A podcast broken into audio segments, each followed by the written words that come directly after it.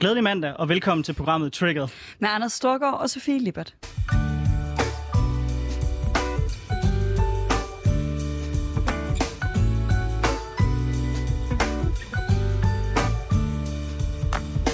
Ja, så er vi jo tilbage her i programmet, hvor vi hver uge vender de store debatter, der har været. Der har måske ikke været vildt mange her under sommerferien. Øhm, men til jer, der ikke har lyttet til programmet før, så er jeg Storgård. Øh, Jeg er tidligere landsmand for konservativ ungdom. Øh, Og med mig, der har jeg min medvært. Sofie Lippert. Øh, Jeg er tidligere landsfor kvinde for SF Ungdom. Så hvis I forventer, at vi er sådan nogle unbiased værter, så vil jeg sige... Så skal I høre et andet ja. program. vi kommer til at have nogle skarpe holdninger, og have nogle gæster med, der har lige så skarpe holdninger som os. Ja, men først skal vi prøve at kigge lidt på nogle af de ting, vi prøvede at forudse sidste uge, øh, hvor vi rundede programmet af med et lidt desperat forsøg på at forudse, hvad der kunne ske i en øh, agurketid, som vi virkelig har ramt øh, big time på det seneste. Det må man, det må man virkelig sige. Øh, vi havde en vurdering af, at øh, DF de ville komme med sådan en eller anden udmelding, der handlede om øh, muslimer og indvandringspolitik, for det plejer at være sådan en god klassiker, øh, når man, øh, når man øh, ser gurketid. Men øh, det havde vi ikke ret i. Nej, til gengæld så har Morten Messersmith virkelig været ude og mene en masse om øh, Mette Frederiksens forhold til sin religion og til kristendom, og hvorvidt det er okay engang at have sagt, at man ikke er religiøs, og nu pludselig være det, øh, hvilket nogen jo vil våge at påstå er nøjagtig samme historie, som, øh, som han selv havde engang. Ja, Øhm, og derudover så øh, forudså vi mest af alt, at der ikke ville ske en skid, og det har vi jo haft ret i. det er i hvert fald rimelig safe bet, når man snakker agurketid. Men uh, Men det er jo kun på den politiske scene, fordi der har været oversvømmelser over det hele, øh, mildest talt. Øh, og må ikke det betyder, at vi i slutningen af det her program måske kan forudse lidt mere klimadebat. ja, vi går næsten over at lave en meteorologisk uh, forudsigelse senere. Men Ja, jeg har glædet mig til at spørge dig, hvad trigger dig? men jeg har glædet mig endnu mere. Nej, vi tager den stille og roligt. Øh, vi starter lige med at høre dig, Anders, i den her uge. Hvad har så trigget dig? Det, der triggede mig, det er sådan set øh, en klassisk debat, som borgerlige ofte har det med at tage op, men som jeg synes har været fraværende for det borgerlige Danmark i en meget, meget lang periode. Det er nemlig spørgsmålet om udlandsk arbejdskraft. Brian Mikkelsen, han har bragt det på banen. Brian Mikkelsen, han er øh, direktør for Dansk Erhverv. Øh, han bragte debatten op og sagde, at der i Danmark er en klar udfordring i forhold til vores arbejdsmarked, som er, at vi mangler simpelthen arbejdskraft. Det er en debat, der meget ofte bliver lukket ned øh, i forhold til, at, øh, at man, at man, øh, at der går udenrigspolitik i den debat. Det, han konkret foreslår, det er, at man ser på det, der hedder beløbsordningen. Beløbsordningen, øh, det er en ordning, som Danmark øh, øh har sat op, fordi vi, modsat mange europæiske lande, ikke er med i EU's Blue Card-ordning, hvor man, hvor, hvor man siger, hvis man har en kontrakt, hvor man tjener mere end 445.000, øh, så har man mulighed for at komme til Danmark for at arbejde. Brian Mikkelsen, han foreslår, at det bliver sænket til 360.000. Det vil ifølge ham gøre, at det er meget nemmere for danske virksomheder at rekruttere arbejde. Og så spørger I måske, hvorfor er der brug for det? Har vi ikke lige været igennem coronakrise? Jo, øh, men hvis man ser på mange af de sektorer, som er afgørende for dansk økonomi, så ser det faktisk ud til, at vi kommer til at mangle arbejdskraft. Faglærte, der vurderer man, at vi kommer til at mangle helt op til 100.000 arbejdspladser. Øh, Brian Mikkelsen, han øh, sætter ikke noget tal på, hvor meget han vurderer, der kommer ud af det her. Øh, de fleste andre peger på, at der måske kun er mellem 2.500 og 5.000 at hente på det. Men pointen er, at det her, det er et spørgsmål, som jeg synes, vi burde tale meget mere om. Fordi lige, lige så vel som vi skal have fokus på at uddanne vores egen arbejdsstyrke bedre, så bliver vi også nødt til at snakke om, hvordan vi som en lille åben økonomi, hvor der er gang i hjulene, kan tiltrække nogle dygtige mennesker, der kan gøre Danmark bedre. Og det er et problem for mig at se, at der altid går udenrigspolitik i den debat. Jeg er i hvert fald enig i, at det er et problem, når der går udlændingepolitik og den klassiske udlændingepolitiske debat i alting. Nok knap så, knap så enig i, at løsningen på, at vi kommer til at mangle 100.000 faglærte, det handler om at lade folk øh, fra øh, andre lande komme ind og arbejde til en lavere løn, end de må i dag. Øh, jeg tror grundlæggende, at løsningen i højere grad er at øh, sikre, at de 100.000 for mange ufaglærte, vi kommer til at have om 10 år, at de øh, bliver løftet til faglærte, at de får sig en uddannelse, og dermed kan være øh, med til at sikre, at vi har den nødvendige arbejdskraft. Men jeg glæder mig rigtig meget til debatten. Det gør jeg også, øh, og vi har taget nogle gæster med, som skal udfordre os lidt øh, på det her standpunkt. Den første, jeg gerne vil byde velkommen til, det er dig, Emil. du er kandidat til brugerrepræsentationen i Københavns Kommune. Og øh, jeg tænker som radikal, så det her det er noget, du har nogle klare holdninger til. Det kan du tro, jeg har. Altså, jeg synes jo, det er fremragende, at hvis vi kan få noget arbejdskraft til Danmark. Altså, forstå på den måde, jeg vil jo gerne have noget kvalificeret arbejdskraft til Danmark.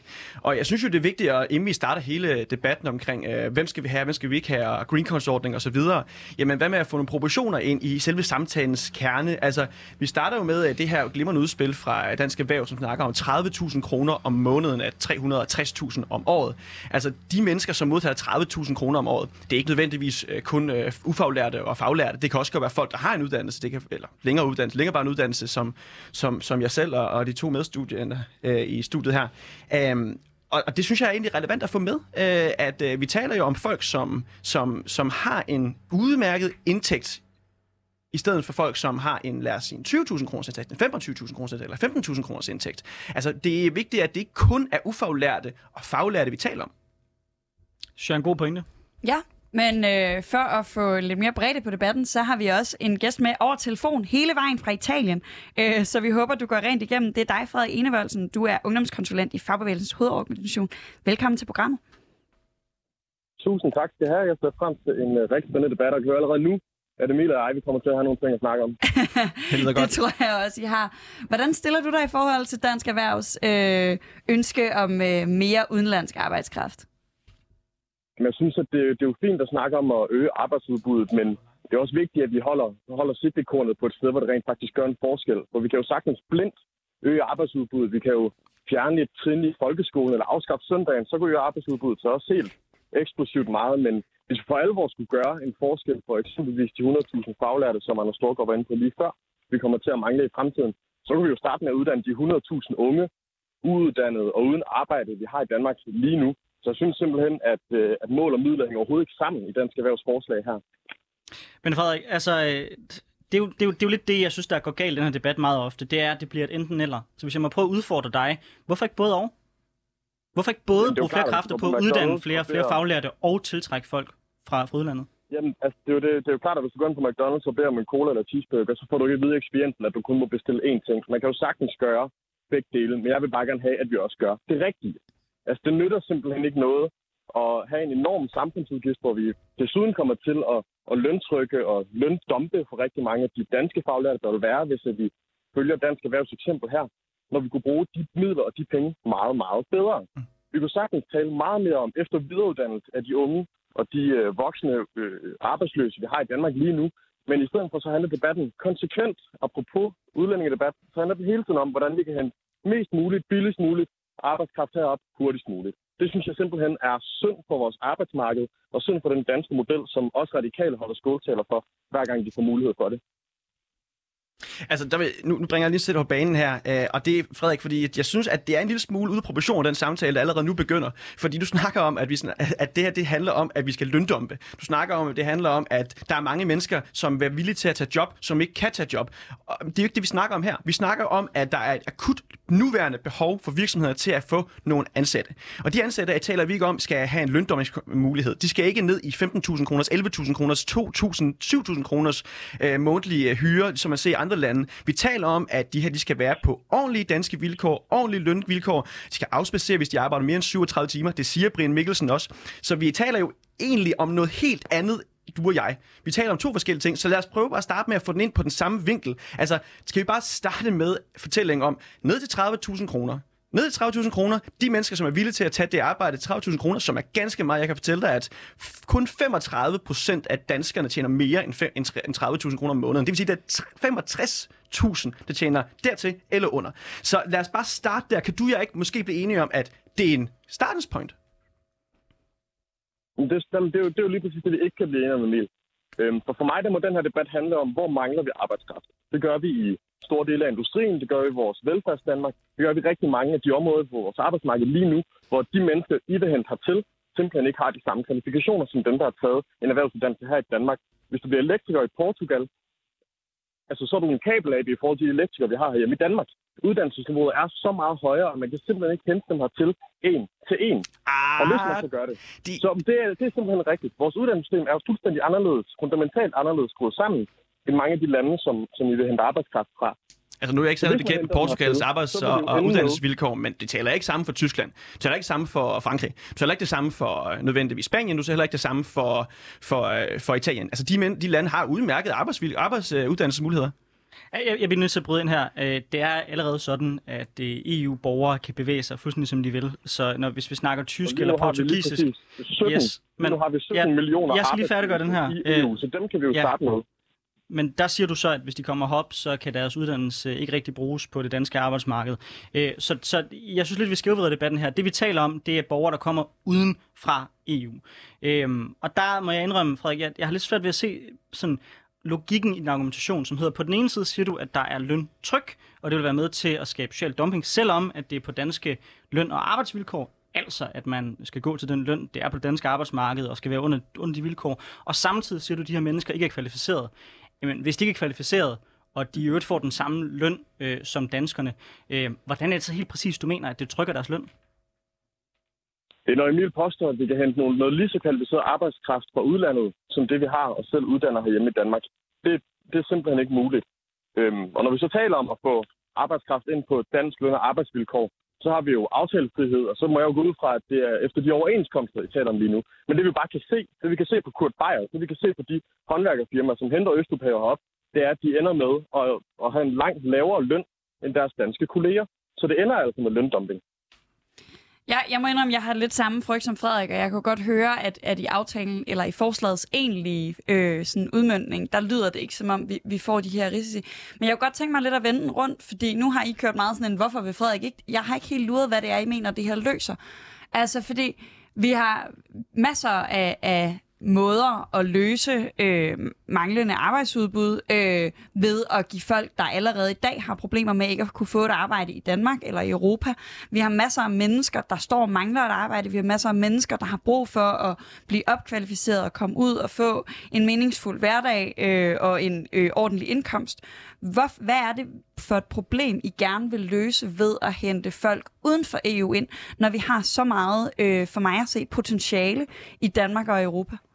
Altså, der er, der er flere ting. Sofie, som det her det løser. Den korte bane løser det, det, det basale arbejdsbehov. Altså der er, nu- der er nu virksomheder, der er 200 virksomheder ud af 1000 virksomheder, øh, af de største virksomheder her i Danmark, der siger, vi kan ikke få fyldt vores pladser ud. Det er rigtig, rigtig, rigtig mange. Det, det er den korte bane, løser. Den rigtig langsigtede bane, den løser, det er jo så øh, det, man øh, i folkemunde kalder ældrebyrden. Man må kalde det det. Man kalder det en demografisk udfordring. Det vil sige, at der er en fremtid, hvor vi bliver rigtig, rigtig mange ældre, og der er en fremtid, hvor vi bliver færre, færre unge. Det vil sige, der er et behov der er et behov for, at vi tænker i de her langsigtede baner, hvor vi regner og håber på, at i fremtiden, så kan vi skabe det her samfund, som vi har i dag, forhåbentlig lige så godt, endnu bedre, hvis det bliver bedre, og det kræver bare, at vi får nogle folk, der vil arbejde. Og jeg siger Men- ikke, at danskere men ikke vil arbejde. Jeg elsker danske unge, der arbejder. Jeg er selv ung, jeg er selv dansk, og jeg elsker at arbejde. Og jeg kender folk, som er i den samme situation, og folk, der er mindre bemidlet end mig, de arbejder også og vil rigtig gerne arbejde. Det er ikke dem, vi taler om at tage arbejde væk fra, fordi det tager stadig en vis tid, før de mennesker er klar til at komme afsted. Det er den anden ting. Jeg vil bare lige sige den tredje ting, og så må Frederik have lov til at sige alt det, han vil. Den tredje ting, det er jo bare i forhold til, vi har brug for nogle flere succeshistorier i forhold til folk, der kommer til landet. Og der er en, lad os sige, nul, næsten nul balladesrate for folk, der kommer til og har et fast arbejde. For det er det, der er største udfordring ved folk, der kommer hertil. Det er, at hvis I bare bliver overladt til sig selv og sagt, her er en pose penge, her er jeres vilkår, så kan I klare jer selv. Det løser jo aldrig et problem. Så skaber man et parallelt samfund. Det her, hvis det vel og mærket foregår under de meget fine principper, vi har bygget op i Danmark med virksomheder, der holder øje, tjener Danmark og sikrer sig, at vilkårene er, som de skal være, så vil vi på mange måder skabe flere succeshistorier på flere parametre, men også på den sidste her, der gælder nydanskere. Frederik? Men, men Emil, med, altså nu er du sådan en uh, magenta pink federalist, så jeg forstår ikke, hvorfor du ikke svarer på spise spørgsmål. Altså hvad med de 17 millioner arbejdsløse, vi har i EU i forvejen? Er det ikke godt nok? Altså hvorfor er der behov for at hente arbejdskraft uden for EU også? Det vil jeg faktisk meget gerne, meget gerne svare på. Øhm, man prøver alt, man overhovedet kan, allerede som det er i dag, at prøve at få folk til at flytte sig øh, fra mange af de lande, der er arbejdsløshed i, i Europa. Det, man har set, for eksempel, så prøvede tyskerne at oprette øh, et jobcenter i Madrid, det er, at det er enormt svært at få rykket mange af de borgere, der er fra de sydeuropæiske lande. Der er altså ikke nogen, der er uenige om, at det skal være nemmere, og det skal være bedre at sikre den frie bevægelighed. Men det, man bare ser, det er, at der er mange, især de europæiske lande, der er meget lidt tilbøjelige til at ønske, til at ønske at skifte land. Så generelt er det enormt svært at flytte folk fra et land til et andet land. De fleste folk vil gerne bo der, hvor de er opvokset, hvor de taler sproget, øh, og, og hvor deres familie i øvrigt er. Så der er ikke rigtig sådan nogle store barriere i EU i dag. Der, hvor der er en barriere, det er folk, der kommer uden fra EU. Så det er ikke et enten eller. Vi skal gøre alt, vi kan for at få flere europæiske borgere herop. Men det eneste, jeg tror, Emil og jeg siger, det er, hvorfor er det, vi aktivt stiller en barriere op for mennesker, der gerne vil komme herop og bidrage med et stykke arbejde, vi aktivt har brug for? Der er noget fuldstændig fantastisk over at høre den her debat, hvor det her, altså jeg tror aldrig før, jeg har været i, i en debat, hvor, hvor målet nærmest i sig selv bliver at få nogle flere, der ikke er fra Danmark, til at flytte til Danmark. Øh, det, er, det er for mig en, en he, helt ny politisk debat, meget specielt. Ja, der bliver high-fivet i studiet nu. Øh, men, men jeg tror alligevel, jeg, jeg synes, det er interessant, at I forestiller jer, at øh, at sænke den her beløbsgrænse, det er, er, er sådan et quick fix. Det er sådan et... Øh, nej, nej, ikke et quick fix, undskyld. Men det er en løsning på de øh, 200 virksomheder, der lige nu siger, at de står og mangler nogen lige nu. Hvis bare de kunne få lov til at lønne nogen, der kom uden fra EU, til 30.000 i stedet for, hvad er den nu, 45 eller sådan noget? Øh, 36.666 kroner. Okay.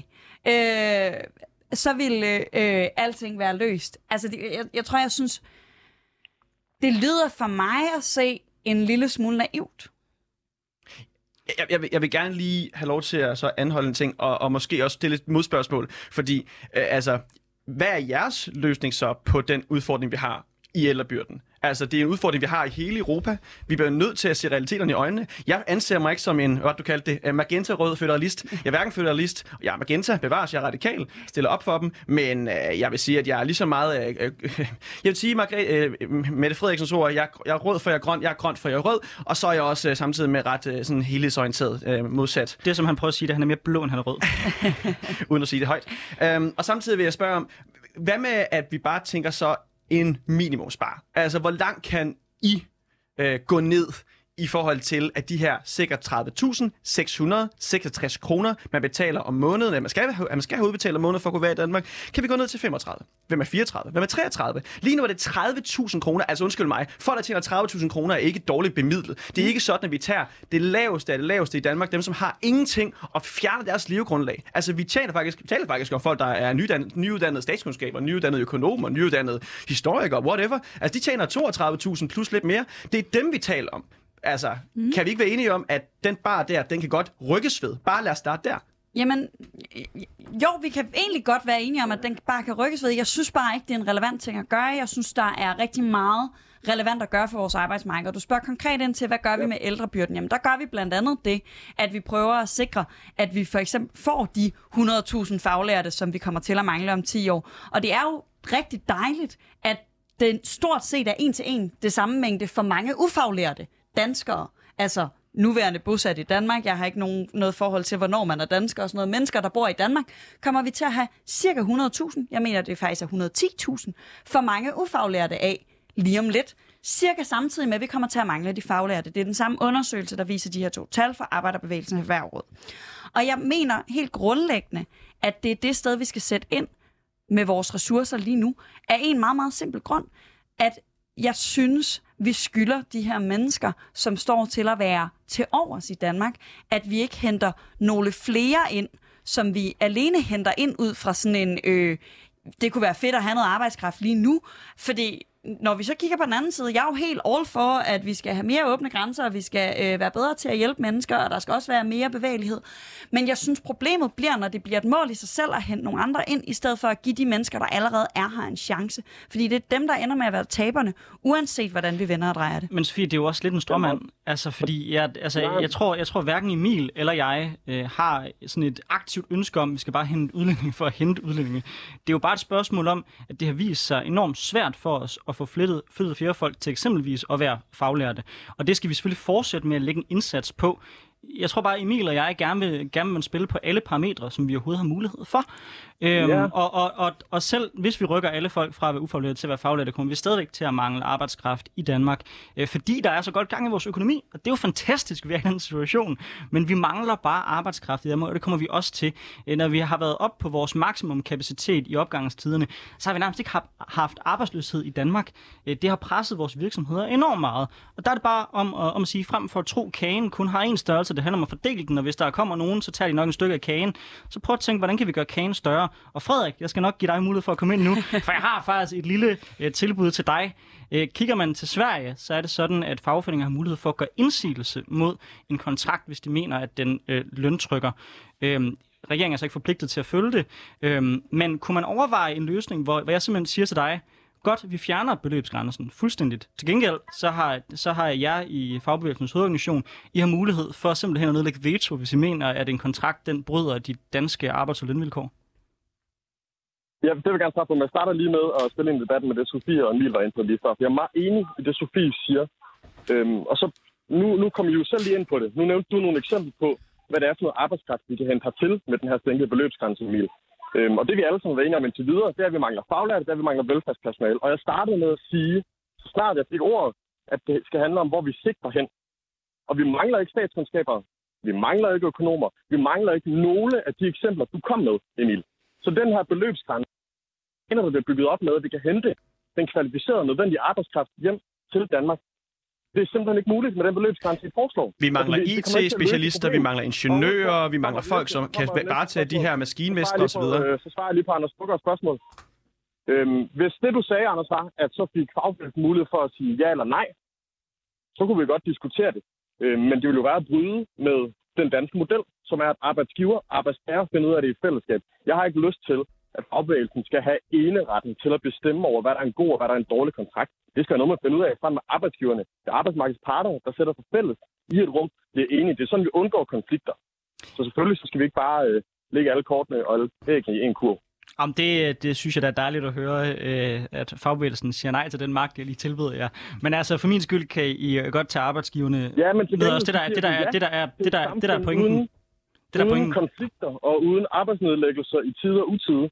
Øhm, og uden at arbejdsgiverne fra den ene dag til den anden fyrer arbejdstagerne, fordi at fagbevægelsen har sat for rigide krav eller et eller andet. Grunden til, at den danske model fungerer, er fordi, at man bliver enige, inden arbejdet begynder. Jamen, det er jeg fuldstændig enig, enig med dig. Det behøver du og jeg, hvis ikke på nogen måde være uenige om. Øh, jeg tror bare, jeg så mener, der også er forskel på, om vi snakker, hvordan vores interne arbejdsmarked fungerer, og så nogle særlige tilfælde, hvor man skal hente specielt kvalificeret arbejdskraft ind. Og der er der jo allerede situationer i dag, hvor man finder ud af sådan nogle ting på vores arbejdsmarked. Så fint for mig, hvis I kan blive enige om det. Det var egentlig bare for at give dig en assurance på, at det ikke er et spørgsmål om social dumping. Fordi det for mig at se, er det vigtigt at sige, hvordan skal vi mere kvalificeret arbejdskraft, uden det skaber social dumping. Og jeg er klar på alle løsningsforslag, der kan sikre begge dele. Og vi er alle sammen enige, tror jeg, fornemmer jeg, tænker jeg, øh, på, at vi ikke skal have løndumping. Men Frederik, hvis du siger, og nu gentager jeg bare, hvad du selv sagde før, vi kommer ikke til at have brug for folk, som er i den kapacitet at tjene mere end de der 30.000 kroner Jeg om måneden. de eksempler, du kom med. Nej, de eksempler, men prøv, jeg, jeg økonomer, gav nogle andre eksempler. Jeg gav dig IT-specialister. Jeg gav dig ingeniører.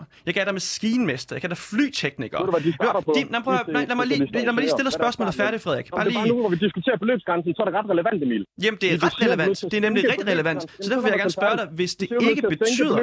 for at kunne få hente IT-ingeniører øh, og ingeniører til Danmark, så skal vi sænke beløbsgrænsen. Hvad starter de på i dag, siden det er nødvendigt? Øh, Nu var det de to eksempler, du kan komme med, som vi mangler. Hvad starter de så på i dag? IT-specialister, hvis de er, hvis de er uddannet kvalificeret, så starter de på en startløn på ca. 33.000. Min fagforening siger, at vi starter på 42. Du er ikke IT, eller? Ja, Nej, men jeg er medlem af IDA. Nej, men og lige præcis derfor, Emil, så er den her debat fuldstændig irrelevant. Fordi at de eksempler, I kommer med, holder ikke i den virkelige verden. Altså det arbejdskraft, vi mangler, som vi for gud og død og pine skal få uddannet, skal få gjort et eller andet, hive op af have dem, hvis vi kan det. De kommer ikke af, at vi sænker beløbsgrænsen og får nogle IT-specialister til, fordi IT-specialister og ingeniører kan allerede komme til Danmark med beløbsgrænsen, som den er.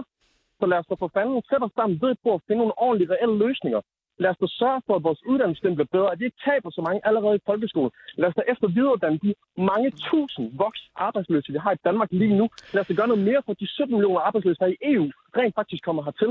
Og, Altså, og der er vi slet ikke, uenige. Der er vi jo slet, slet, slet ikke uenige, Frederik. Lad os endelig starte med, der vi enige så, eller i hvert fald komme til på et tidspunkt. Og det kunne være her, vi er ikke uenige om, at vi skal have den rundbordssamtale. Vi skal have en samtale omkring, hvordan vi får flere folk i arbejde. Vi skal have en samtale omkring det. Vi skal lige præcis sikre, at vi har en så stor og rund og fyldig samtale, men vi vil bare ikke lukke nogen vogne af. Og det er derfor, jeg stiller spørgsmålet igen. Og nu stiller jeg den til Sofie før, nu stiller jeg dig spørgsmålet. Kan den her beløbsgrænse overhovedet rykkes vel? 1000 kroner, 500 kroner, 1500 kroner. Er du villig men det- til men- at gå til bordet med den intention? Hvad er det for noget arbejdskraft, vi mangler? Hvad er det for noget arbejdskraft, vi mangler? Jeg vil gerne Det have, du svarer er på vigtigt. Vi spørgsmålet. kan ikke bare sænke beløbsgrænsen uden... Jamen, dit spørgsmål kræver kontekst. Altså, dit spørgsmål er ikke sådan et, nu ser jeg fast beløb, og så er det sådan, det er. Dit spørgsmål kræver kontekst. Det handler om, hvilken arbejdsstyrke mangler vi? Så vi kan jo sagtens hælde alverdens øh, gode intentioner op fra sydens sol op til Danmark, men det løser ikke problemet med vores arbejdsmarked. Vi bliver nødt til at uddanne nogle flere øh, faglærte, vi bliver nødt til at sikre noget mere velfærdspersonale. Det er de to kerneopgaver, vi har. Og det skal der vi også. omdrejningspunkt i den her diskussion. Og det Så skal vi hvordan også. vil du sikre det? Det handler ikke om IT-ingeniører. Hvordan vil du sikre velfærdspersonale og faglærte? Ja, ja, ja, okay. Hvis, hvis jeg svarer på dit, mit spørgsmål, lover du så at svare på mit spørgsmål bagefter? Jamen, men igen, vi har ikke diskussion Okay. om, hvad det er, vi mangler. Emil, som jeg hører, Frederik, så er den grundlæggende argumentation, det er, at øh, når vi taler beløbsgrænsen, så øh, mange af de øh, jobs, du nævner, det er nogle jobs, hvor der alligevel øh, vil være en løn, der er så høj, at øh, beløbsgrænsen i forvejen er noget. Så det er så ikke noget issue der. Er det ikke et argument, du kan se en logik i? Altså, øh, det er vel rigtigt nok, i forhold til Frederik siger, øh, at hvis du normalt har en dansk lønning på, lad os sige, 45.000 øh, hver måned, og du så ansætter folk mm. fra den samme sektor til 30.000, så er det med til at skubbe lønnen. Og lige ved den årsag skal der være de her regler og rammesæt for, hvordan man gør det og hvorledes. Altså lige nu så er det jo sådan, at du skal, for, du, du skal, du skal stadig have gjort en indsats for at have vist, at du er interesseret i at få en virksomheds arbejdskraft, der er i dit nærmiljø. Det vil sige også danskere. Så det vil sige, hvis man bare sikrer sig, lad os starte der, hvis man bare sikrer sig, at man har vist den her stilling, den er noget, jeg har sat i udbud. Der er ikke nogen, der har søgt den. Okay, jamen hvad er det så, jeg kan gøre ellers? Jamen jeg kigger på, hvem jeg kan få, der vil tage det job, som vil tjene Danmark godt, og virksomheden det godt. Jamen, så kigger man ud over grænserne. Så kigger man ekstern Danmark, Europas grænser, og ser på, hvem kan vi få til, som er kvalificeret, som er dygtige, som kan levere en indsats for samfundet, og så prøver man at hyre dem. 22 procent af alle de her rekrutteringsforsøg er mislykkedes, simpelt fordi, at der har været for meget byråkrati og for høje standarder. Emil, nu leger jeg djævelens advokat på dig. Lad os så sige, at øh, dit forslag bliver gennemført. Godt. Vi har en situation, hvor normalt de andre på arbejdspladsen, de får lad os sige 45.000. Nu har vi afsøgt det. Der var ikke flere i Danmark, der kunne øh, varetage det her job. Så nu ansætter vi en fra Indien til 30.000. Godt. Næste gang man så skal til lønforhandling, øh, tror du, det bliver sværere eller nemmere at argumentere for en højere løn, hvis øh, arbejdsgiveren kan pege på inderen og sige, hvorfor kan han gøre det til 30, når du gør det til 45? Mm. Det er en meget, meget fin pointe, og den er valid. Samtidig vil jeg så sige, øh, nej, den samtale bliver selvfølgelig ikke lettere. Og det er også derfor, at der skal være de her klare regler for, hvem og hvordan og hvorledes skal man ansætte folk. Det er ikke bare sådan, du kan lægge et Wild West-kort og sige, at jeg tager alle dem, som har vil. Det skal være sådan, at den her samtale er blevet forsøgt med sat af til en dansker eller andre, som er i tæt miljø med lokalmiljøet og virksomheden først. Og derfra så, altså vi taler jo om, man kan sige, der skaber nogle problemer. Ja, det gør alle valg. Alle politiske valg skaber nogle ulemper. Jeg er bare meget fokuseret på, at den fremtid, som vi går i møde, skal være rigere for min generation og for min børns generation. Og vi ser ikke bare i Danmark, Men- men Emil- vi ser den i hele Europa, en mulighed for at gøre en aktiv forskel, hvor vi både skaber succeshistorier, i stedet for alle de her negative historier om nydanskere, nye europæere, hvad man kan kalde dem, og og samtidig tjener vi samfundet det godt, fordi om 40, om, om mindre end om 30 år, så vil hver fjerde danskere have seniorrabat i bussen. Det vil sige, de er over 65 år gamle. Det er rigtig, rigtig, rigtig mange mennesker, der skal seniorrabat. Det er også mange mennesker, der skal have hjælp på sygehusene. Det er en massiv udfordring. Og ligegyldigt, Frederik, ligegyldigt hvor mange danskere du får, og jeg får, for jeg vil også gerne med i den samtale, får til at være en del af det danske samfund, og være en del af det danske arbejdsmarked på lige vilkår, som alle, der går på arbejde hver eneste dag, så når vi ikke det mål. Vi bliver nødt til at tænke andre baner. Og der vil jeg så gerne høre, hvis vi ikke skal snakke beløbsgrænse, Men der har du ikke svaret på Vi- andre store spørgsmål. hvis vi, se, hvis vi skal snakke beløbsgrænse, kan du så være, bare være enig i, at vi måske kunne se på muligheden for at tage noget rekrutteret arbejdskraft til landet, for at hjælpe den problemstilling? Selvfølgelig, selvfølgelig skal vi det tage reduceret arbejdskraft til landet. Det gør vi jo forvejen. Det er derfor, vi har beløbsgrænsen, som den er. Og det problem, du vil løse, det løser måske noget, hvis man øh, godt kunne tænke sig en indre hjem, som Anders var inde på. Og det spørgsmål endte sådan set ikke med at svare på, men, men fred med det. Når vi taler om den her ældrebyrde, og det er et meget fedt begreb med, med seniorrabat i bussen, det kan jeg sgu godt lide. Men det er ikke på, at at det, vi kommer til at mangle for at hjælpe de seniorer og de ældre, øh, det er sosuer, det er sygeplejersker, det er alle dem, der sørger for, at deres hverdag hænger sammen. Og de mennesker kommer ikke hertil ved det forslag, du stiller. Så lad os i stedet for at diskutere, øh, hvordan det her vil lønne om eller ej, så start med at snakke om, hvilken arbejdskraft er det, vi mangler, og hvordan sikrer vi den. For vi sikrer den sgu ikke ved at hente IT-ingeniør fra Indien til Danmark. Jamen, jeg, jeg tror, jeg, jeg er meget enig med Frederik, og det er fordi, jeg bliver, jeg bliver sådan... Fordi du vil meget gerne have, Emil, at vi sådan siger et beløb, og, og det skulle... Jeg tror, problemet er, at jeg har meget, meget svært ved at, at engagere mig politisk og tage politisk stilling til noget, som ikke er en løsning på et problem, jeg kan se. Og det er for mig at se ikke et problem, at vi lige nu ikke kan få dem, der tjener mellem 30 og 36.000 til at komme til Danmark. Altså det er ikke, vi har så mange kæmpe store problemer på vores arbejdsmarked. Jeg kan slet ikke se, at det her det er en skala, hvor det er meningsfuldt for mig at tage politisk stilling til det. Og jeg bliver det er, jeg synes, det er enormt interessant. Jeg synes, det er interessant at læse, når Dansk Erhverv er ude og, og skrive om det her, fordi det forvirrer mig oprigtigt, hvad det er, der er formålet med det, hvad det er for en, en, en... Fordi det er helt tydeligt noget, som en del af erhvervslivet meget, meget gerne vil have. Jeg er helt med på, at det er meget... Men jeg, jeg, jeg sidder med den der følelse af, at der er nogen, der holder noget i, og det ved jeg godt, I ikke står og gør, I står ikke og holder oplysninger tilbage for mig, men jeg sidder med sådan en følelse af, at jeg mangler en eller anden... Jeg mangler den der sandheden om, hvorfor det her i virkeligheden er så vigtigt, fordi Anders, du var lidt inde på det selv i starten, det der med, de fortæller ikke rigtig, hvor mange det er, de forventer at få ud af det her. Ud af alle deres forslag til at hæve arbejdsudbuddet, virker det her umiddelbart til at være det, der giver dem mindst ekstra arbejdsudbud. Men Svend, jeg kan, jeg kan sagtens svare dig på dit, øh, på dit øh, spørgsmål. Det er sådan set fordi, at man står, og det har Emil også talt om mange gange, i en situation, hvor man mangler enormt meget arbejdskraft. Og hvis du ser på en masse modeller, der kan være svære at indføre, som tager lang tid at indføre, som man også skal, skal prioritere, men som er svære, og du samtidig ser, at der står nogle mennesker, der gerne vil arbejde, og som gerne vil bidrage, øh, og som står og banker hovedet mod muren, så forstår jeg godt, at man som dansk erhvervsliv siger, men øh, okay, skal vi så ikke lige starte med at sørge for, at de folk, der står og banker hovedet på muren og gerne vil ind, lige at lukke dem ind. Så kan vi også se på de andre ting, for det er klart, det er der, den langsigtede løsning ligger. Men rent akut, så må vi også bare være ærlige og sige, at det tager lang tid at omstille vores arbejdsmarked mm. til, at vi fx får flere faglærte. Så jeg tror sådan set, det er derfor, de, øh, de, de, de, de står virkelig pres på for det her. Det er fordi, at det øh, kan i hvert fald aftage noget af det pres, de står med lige nu her. Mm, og, og, og nu, nu står der, nu, nu, nu, nu lavede jeg bare lige en hurtig Google, fordi nu har vi sagt flere gange, at de kan komme med konkret kom, øh, tal på, hvor mange mennesker der er kommet. Altså, øh, bare overskriften på den her Brian Mikkelsen artikel fra Berlinske, den siger 25.000 her nu. Altså 25.000 mennesker men, kan man få ind. Men det er inklusive ja. dagpengeforringelser yes. og alt muligt andet. Ja. Nå, okay. Han specificerer nemlig, ja, det er det, der er det interessante ved det, fordi det kunne være super vildt med 25.000.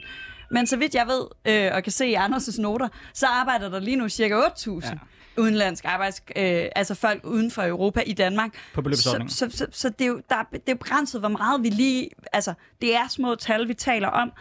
Og det, der undrer mig, det er, at, at de eneste mennesker, altså i den, det er den eneste sammenhæng, og det er meget tråd med det, Frederik siger, det er den eneste sammenhæng i den arbejdsmarkedspolitiske debat. Jeg hører folk mene, at det er de folk, der tjener mellem 30 og 36.000, vi mangler mest af. Altså for mig at se, så er det typisk de folk, der tjener lidt mindre.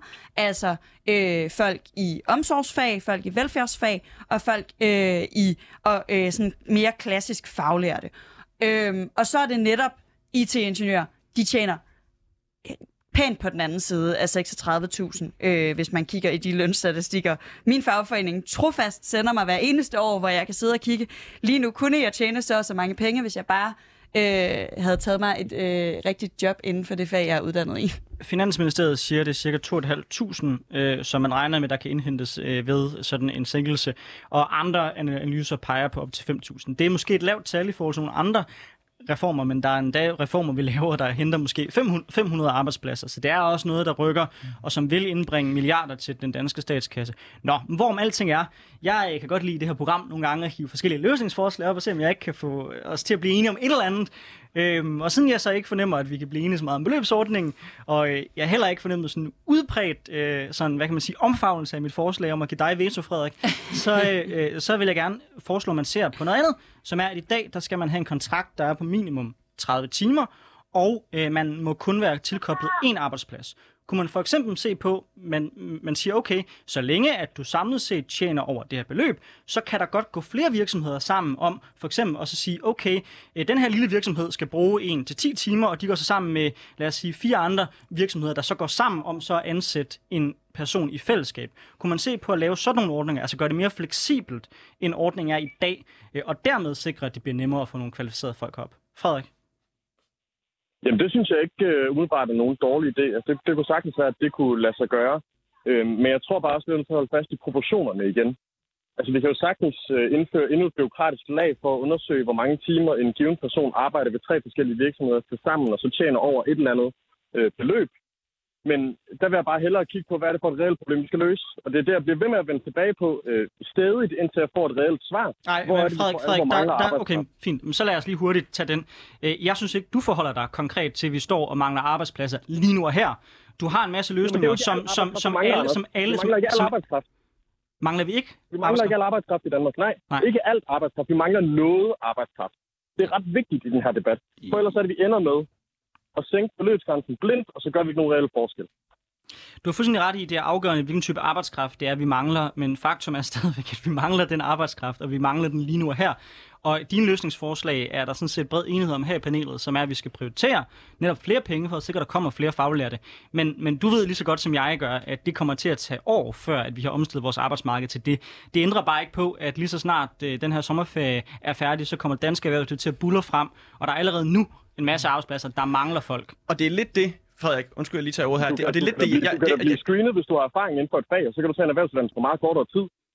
Altså, det, det kan da sådan set have ret meget arbejdskraft ret hurtigt. Altså, ved, hvis du har arbejdet som ufaglært i industrien, og så gerne vil blive, øh, øh, hvad ved jeg, mekaniker, smed eller et eller andet, øh, så kan du blive screenet for mange, så kan du blive, få en, kompeten, en reel kompetencevurdering. Og så kan vi se, hvor lang tid det tager dig at tage en erhvervsuddannelse. Så skal du gøre det markant kortere, end det ellers tager. Og vi skal kigge på den? og vi skal kigge på alle de ting her. Altså det skal vi, Frederik. Der er ikke, jeg, jeg, jeg synes ikke, at den her samtale behøver at være en, en øh, jeg er imod det, og, og jeg er for det, og dermed er jeg imod det andet. Nej, jeg synes faktisk, man godt kunne se på det hele heden. Og jeg synes egentlig, at hvis du, øh, hvad kan man sige, med din, med din, med din forslag repræsentationsskab bag dig, øh, og min repræsentationsskab bag dig, jeg stiller op til den Kø- Københavns Kommune, det vil sige den største offentlige institution i hele Danmark. Altså, prøv at høre, hvis vi kan blive enige om at møde hinanden på nogle parametre, som for eksempel det Andersen foreslår, jeg synes også, det virker som en ganske udmærket alternativ. Kunne man så ikke øh, mødes fagforeningerne, politikerne, kommunalvalgskandidaterne eller kommunalvalgspolitikerne og have en samtale omkring, hvordan kunne vi så prøve at løse det på den ene side, men når vi så har forsøgt os med det, så er det også muligt. Og så er der også villighed til at se på, hvordan kan man så få tilfredsstillet virksomhederne. Altså, jeg synes bare, det er synd. Det er synd for virksomhederne. Jeg synes, det er synd for danskerne. Jeg synes, det er synd for mig og mine børn. Og alle øh, dem, som jeg kender, at de ikke har, øh, hvad kan man sige, de vilkår om 20 år, 30 år, som de har nu. Og det er uigenkendeligt sandt. De vil ikke have samme vilkår om 20-30 år. Ikke når hver fjerde sæde i bussen bliver en seniorpensionist. Altså, det, det vil de ikke, Frederik. Og den samtale, synes jeg, er rigtig, rigtig vigtig at få fat i. Så lad os måske, jeg kan se, der er ikke så lang tid tilbage, så lad os bare måske slutte af med, ikke at slutte af med, men, men blive enige her nu om, at der er en mulighed for, at vi kan sætte os til bordet med den intention fra fagforeningernes side af, så skal jeg love dig, at jeg nok med mit politiske bagland, min position i politik, Det gør vi hver eneste dag. Hver eneste dag sætter vi os på fagforeningernes side ved bordet for at sikre bedst mulig hverdag for alle danskere. Det gør vi hver eneste dag. Det, det, det er derfor, vi eksisterer. Men jeg kan sagtens også komme med flere floskler om min fremtid og barndom og alderdom, og hvad jeg godt kunne tænke mig, hvad jeg drømmer om. Men jeg kunne godt tænke mig at være konkret, og nu stiller jeg mig et konkret spørgsmål, om jeg er enig eller uenig i det. Det er rørende og hammerne uenig, og så kommer med en masse andre forslag. Og hver gang jeg kommer med dem, så bliver det sparket til side, som om jeg ikke har lyst til at diskutere andet. Jeg er med i det her radioprogram for netop at diskutere beløbsgrænsen. Det har vi gjort. Så er du, er du, er du enig i, at vi har en ældrebyrde i fremtiden? Det er jeg bestemt ikke uenig i. Okay. Overhovedet ikke. Og det vil jeg gerne løse, og derfor er kommet med masser af forslag til, hvordan vi kan sikre flere socioassistenter i fremtiden. Helt konkret. Også folk, som kommer vores ude fra forældre. Danmark. Jamen, det løser du ikke med den her beløbsgrænse. Altså, det har vi vendt flere gange nu, Emil. Du får ikke socioassistenter til Danmark ved at sænke beløbsgrænsen til 30.000. Ikke Ja, en den skal virkelig sænkes lavt, hvis vi skal få socioassistenter for den. Okay, Frederik, øh, lige, øh, lige før vi vil slutte af, så du har jo flere gange nævnt, øh, at du ønsker mere europæisk øh, arbejdskraft op, at det kunne være en alternativ løsning. Øh, hvordan ser I konkret, at det kan lade sig gøre? Nu har vi talt meget om folk uden for EU. Det kan jo allerede konkret lade sig gøre i dag, ved at arbejdsgiverne hyrer østeuropæere, der ser vi mange steder. Desværre så gør det det bare til en løn, som er så lav, at den dumper, dumper resten af branchen. Men hvordan får, vi, det sker jo allerede i dag. hvordan får vi flere, der så søger op på danske øh, løn- og Jeg tror, at arbejdsvilkår? folk de tager... Jamen, jeg tror virkelig, at folk er ret, mennesker er ret simple, hvad det angår. Altså, de fleste mennesker har sådan en rimelig kold kalkyl af, hvor meget tjener jeg for at gå på arbejde. Altså, hvad er min tid værd? Så det er jo klart, at hvis du betaler folk en ordentlig løn, så er de mere villige til at tage et arbejde. Så der kunne vi jo starte. Vi kunne jo starte med at sikre, at løndumping ikke sker på danske arbejdspladser. Det gør man eksempelvis også i Københavns Kommune, hvor du er på vej ind, øh, Emil, hvor man har en taskforce mod social dumping, men på trods af det kan vi jo se, at 83 procent af alle tilfældene, der er der social dumping i de offentlige udbud af anlægsbyggerier. Så der kunne vi jo starte. Frederik, jeg vil gerne øh, takke dig for at være med i vores program. Det er altid godt at have fagbevægelsen med og gøre os klogere på, øh, hvordan arbejdsmarkedet fungerer. Det er ikke altid det, som særlig mange andre programmer tager op, men jeg synes faktisk, det er enormt vigtigt, fordi det er nok det allervigtigste politiske område på nævnespolitik, hvis spørger mig, øh, som vi ikke taler nok om politisk. Øh, så tak for at opkvalificere debatten. Og tusind tak, fordi du lige tog en time ud af din ferie til at snakke med os. Det er vi virkelig glade for. Tak for debatten, Frederik. Ja, men det var skønt at være med. Og Emil, du blev jo Okay. lidt sam- sammen, sammen med os.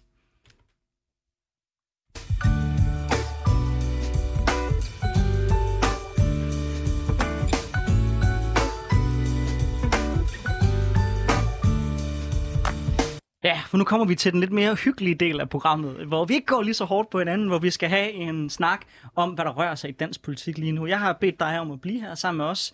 Øh, Emil Moselund, du er kandidat for Radikale Venstre øh, til øh, borgerrepræsentationen i København. Hvilke nogle sager øh, fokuserer du på? Jeg ved godt, det er sommer, og øh, der er gået lidt af gurketid i det hele.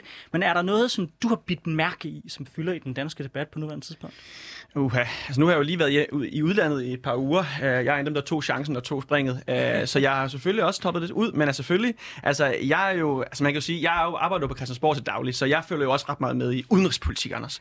Øh, og, og hele, hele situationen med, med, med hjemsendte asylansøgere, altså jeg synes jo, den er meget meget interessant. Undskyld, hjemme Syrie-folk, Syrie, danskere, danskere, som er syrer i Danmark.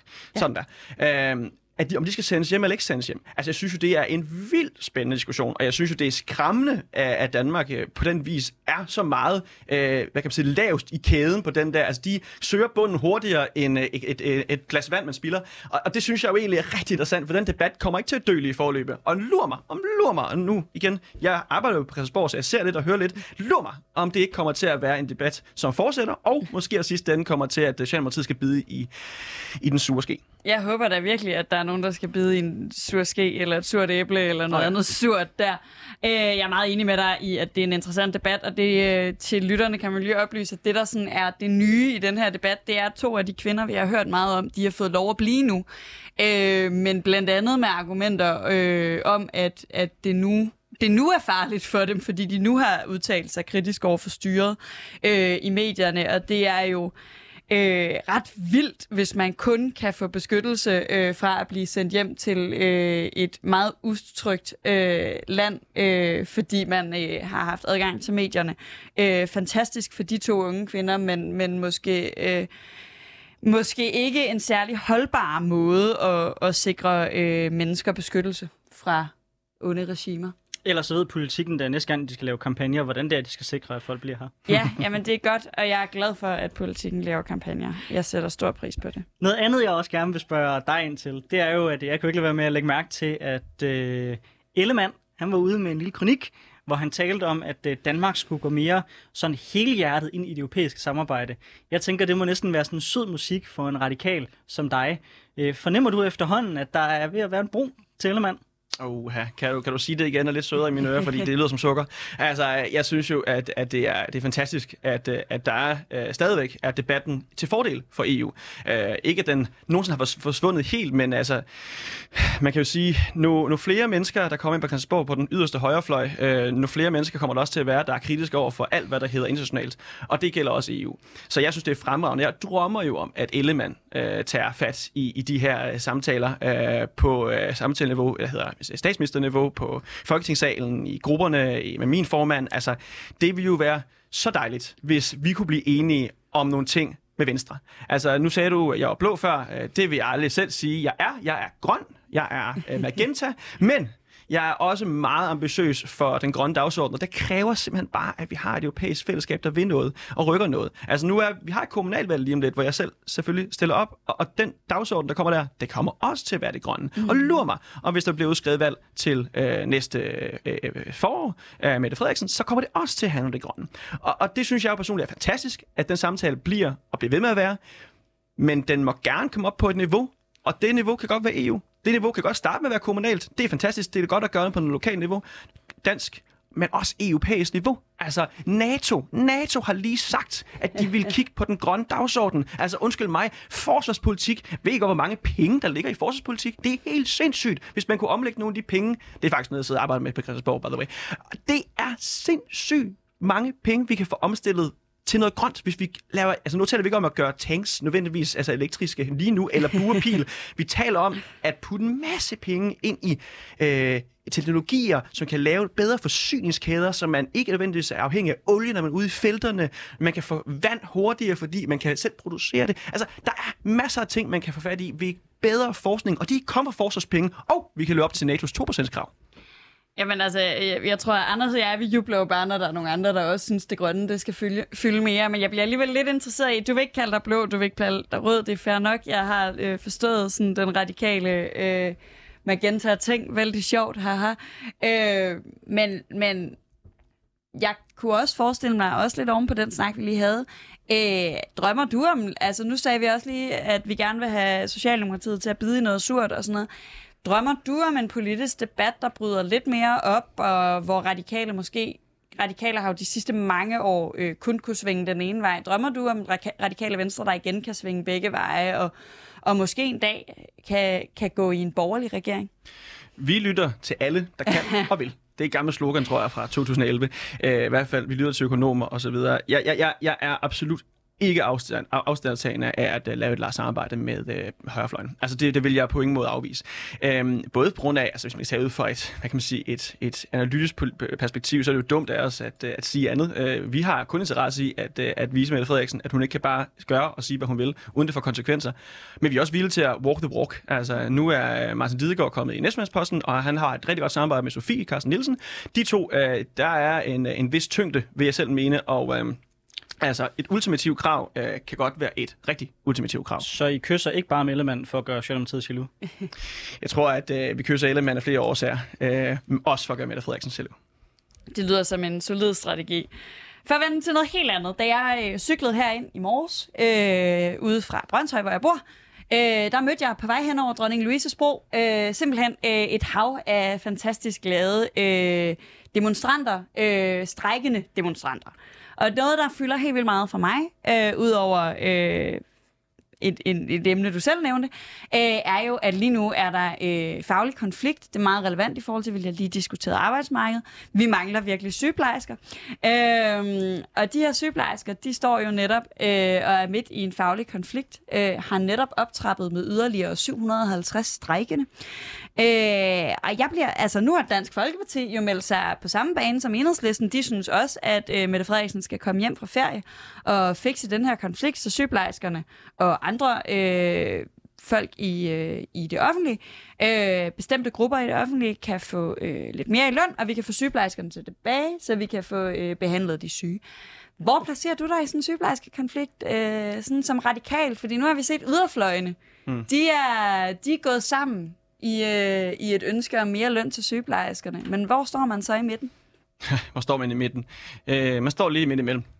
Øh, ej, jeg, jeg, jeg, jeg kommer af en, en familie af faglærte, øh, der er blandt også sygeplejersker. Min mor er sygeplejerske. Øhm, så det er noget, som også selvfølgelig går mig personligt øh, på, at den her debat, den, øh, den fortsætter og fortsætter, ikke kommer nogen ende på det. Øhm, altså hvis jeg tager mine egne briller på, og det gør jeg jo meget gerne, så vil jeg sige, at jeg synes, at sygeplejersker bliver lønnet for lidt. Altså øh, det synes jeg absolut, de gør. Og, og man kan sige, at der er mange områder i samfundet, som efter corona og under corona har vist sig at være så alvorlige øh, essentielle øh, jobfunktioner, og det sætter man mindre pris på, end man burde. Øh, så jeg synes, at sygeplejersker, de Øh, de bliver underbetalt. Altså når man ser på deres øh, schema over, hvor mange timer de arbejder, hvornår de arbejder på døgnet, øh, og hvor lange stræk de arbejder. Nu har man 17 timer, og nu arbejder om natten, og sover på arbejde, så op igen, tager 8 timer mere. Øh, det er andre vilkår, end øh, man taler om skolelærer, øh, pædagoger osv. Øh, ikke at negligere de to områder, men det er bare relevant at tænke på den sammenhæng, at, at der, er, der får sygeplejersker altså øh, ikke 45 var det 45.000, der var øh, dens øh, standardløn, men det med alle de ting her... Jeg mener, det er 41 eller 40 eller sådan noget. Det er i hvert fald cirka, cirka deromkring. Øh, nu nævnte du tidligere militært personel øh, og vores øh, forpligtelser der. Altså gennemsnitslønnen der, den ligger på de der 35-36.000. Øh, øh, de arbejder også på skæve vilkår og er det typisk øh, mandefag. Hvorfor, øh, hvorfor synes du, at, at det er forfærdeligt lavt øh, en løn sygeplejersker får, uretfærdige vilkår de får, når de tjener så meget mere end et traditionelt mandefag, Ja. som, øh, som, Som militæret. personale? Ja. Militærpersonale. Som i øvrigt også arbejder på skæve arbejdsvilkår og Det ligger ude de i en eller hvert anden fald, hæk, og vi er takker dem hver dag for det. Altså, øh, jeg synes jo personligt, synes jeg, at det er lidt en spøjs sammenligning at sige sygeplejersker og militærpersonale. Altså sygeplejersker, de, øh, de arbejder på nogle vilkår, som er øh, selvfølgelig hårde, og det gør militærpersonale også. Det er den eneste sammenhæng, jeg kan se. For sygeplejersker, de arbejder med en, en, en, en essentiel, nu eksisterende trussel, det er corona, og nu eksisterende trussel, det er sygdom og død. Øhm, militærpersonale, jamen, jeg, jeg, jeg, skal lige, jeg forstår godt, at du, du rykker, rykker på næsen, Anders, fordi militærpersonale gør også en kritisk funktion, det er klart. Men jeg vil sige, der er, og nu har jeg en ret mange venner, som faktisk er interesseret i, i, i det militære, selvom jeg er radikal, øh, også er inde og springe og inde og tage uddannelse derinde. De gør det også fordi, at de øh, synes, at det er pisse sjovt. Altså sjovt, sjovt, sjovt, sjovt, sjovt. Sygeplejersker er ikke nødvendigvis dem, der går på arbejde og synes, det er sjovt. Nej. De går på arbejde, fordi de synes, at det er et vigtigt og det givende arbejde, og det gør øh, militæret også, men de synes også, det er rigtig, rigtig sjovt. Og øh, der er alle mulige ting, som kommer af at være militærmand. Du får en rigtig god kondi, du kommer ud i fredstatur, du kommer virkelig ud og nyder din hvad kan man sige, tilværelse. Det er for dem, jeg snakker med, der siger, de nyder deres tilværelse. Jeg ved ikke, om du kender nogen, der siger, jeg gider faktisk ikke være militærmand. Men ved du hvad? Jeg har, det er det eneste, jeg kan. Jeg har svært ved at se logikken, hvor man på den ene side siger, at øh, nogle sektorer, der må vi kun se på lønnen, og det er surt slid, og andre, der øh, er arbejdet lønnen i sig selv, som jo nærmest er det, som du siger bare med andre ord. Altså, øh, hele den her sammenligning med sygeplejersker, hvis du snakker arbejdsvilkår, så kan vi også godt se på, på nogle, af, nogle af dem, hvor at øh, man som sygeplejersker også har væsentligt bedre muligheder for at gå ned på deltid, man har også bedre pensionsordninger, end mange andre sektorer har, osv. osv. osv.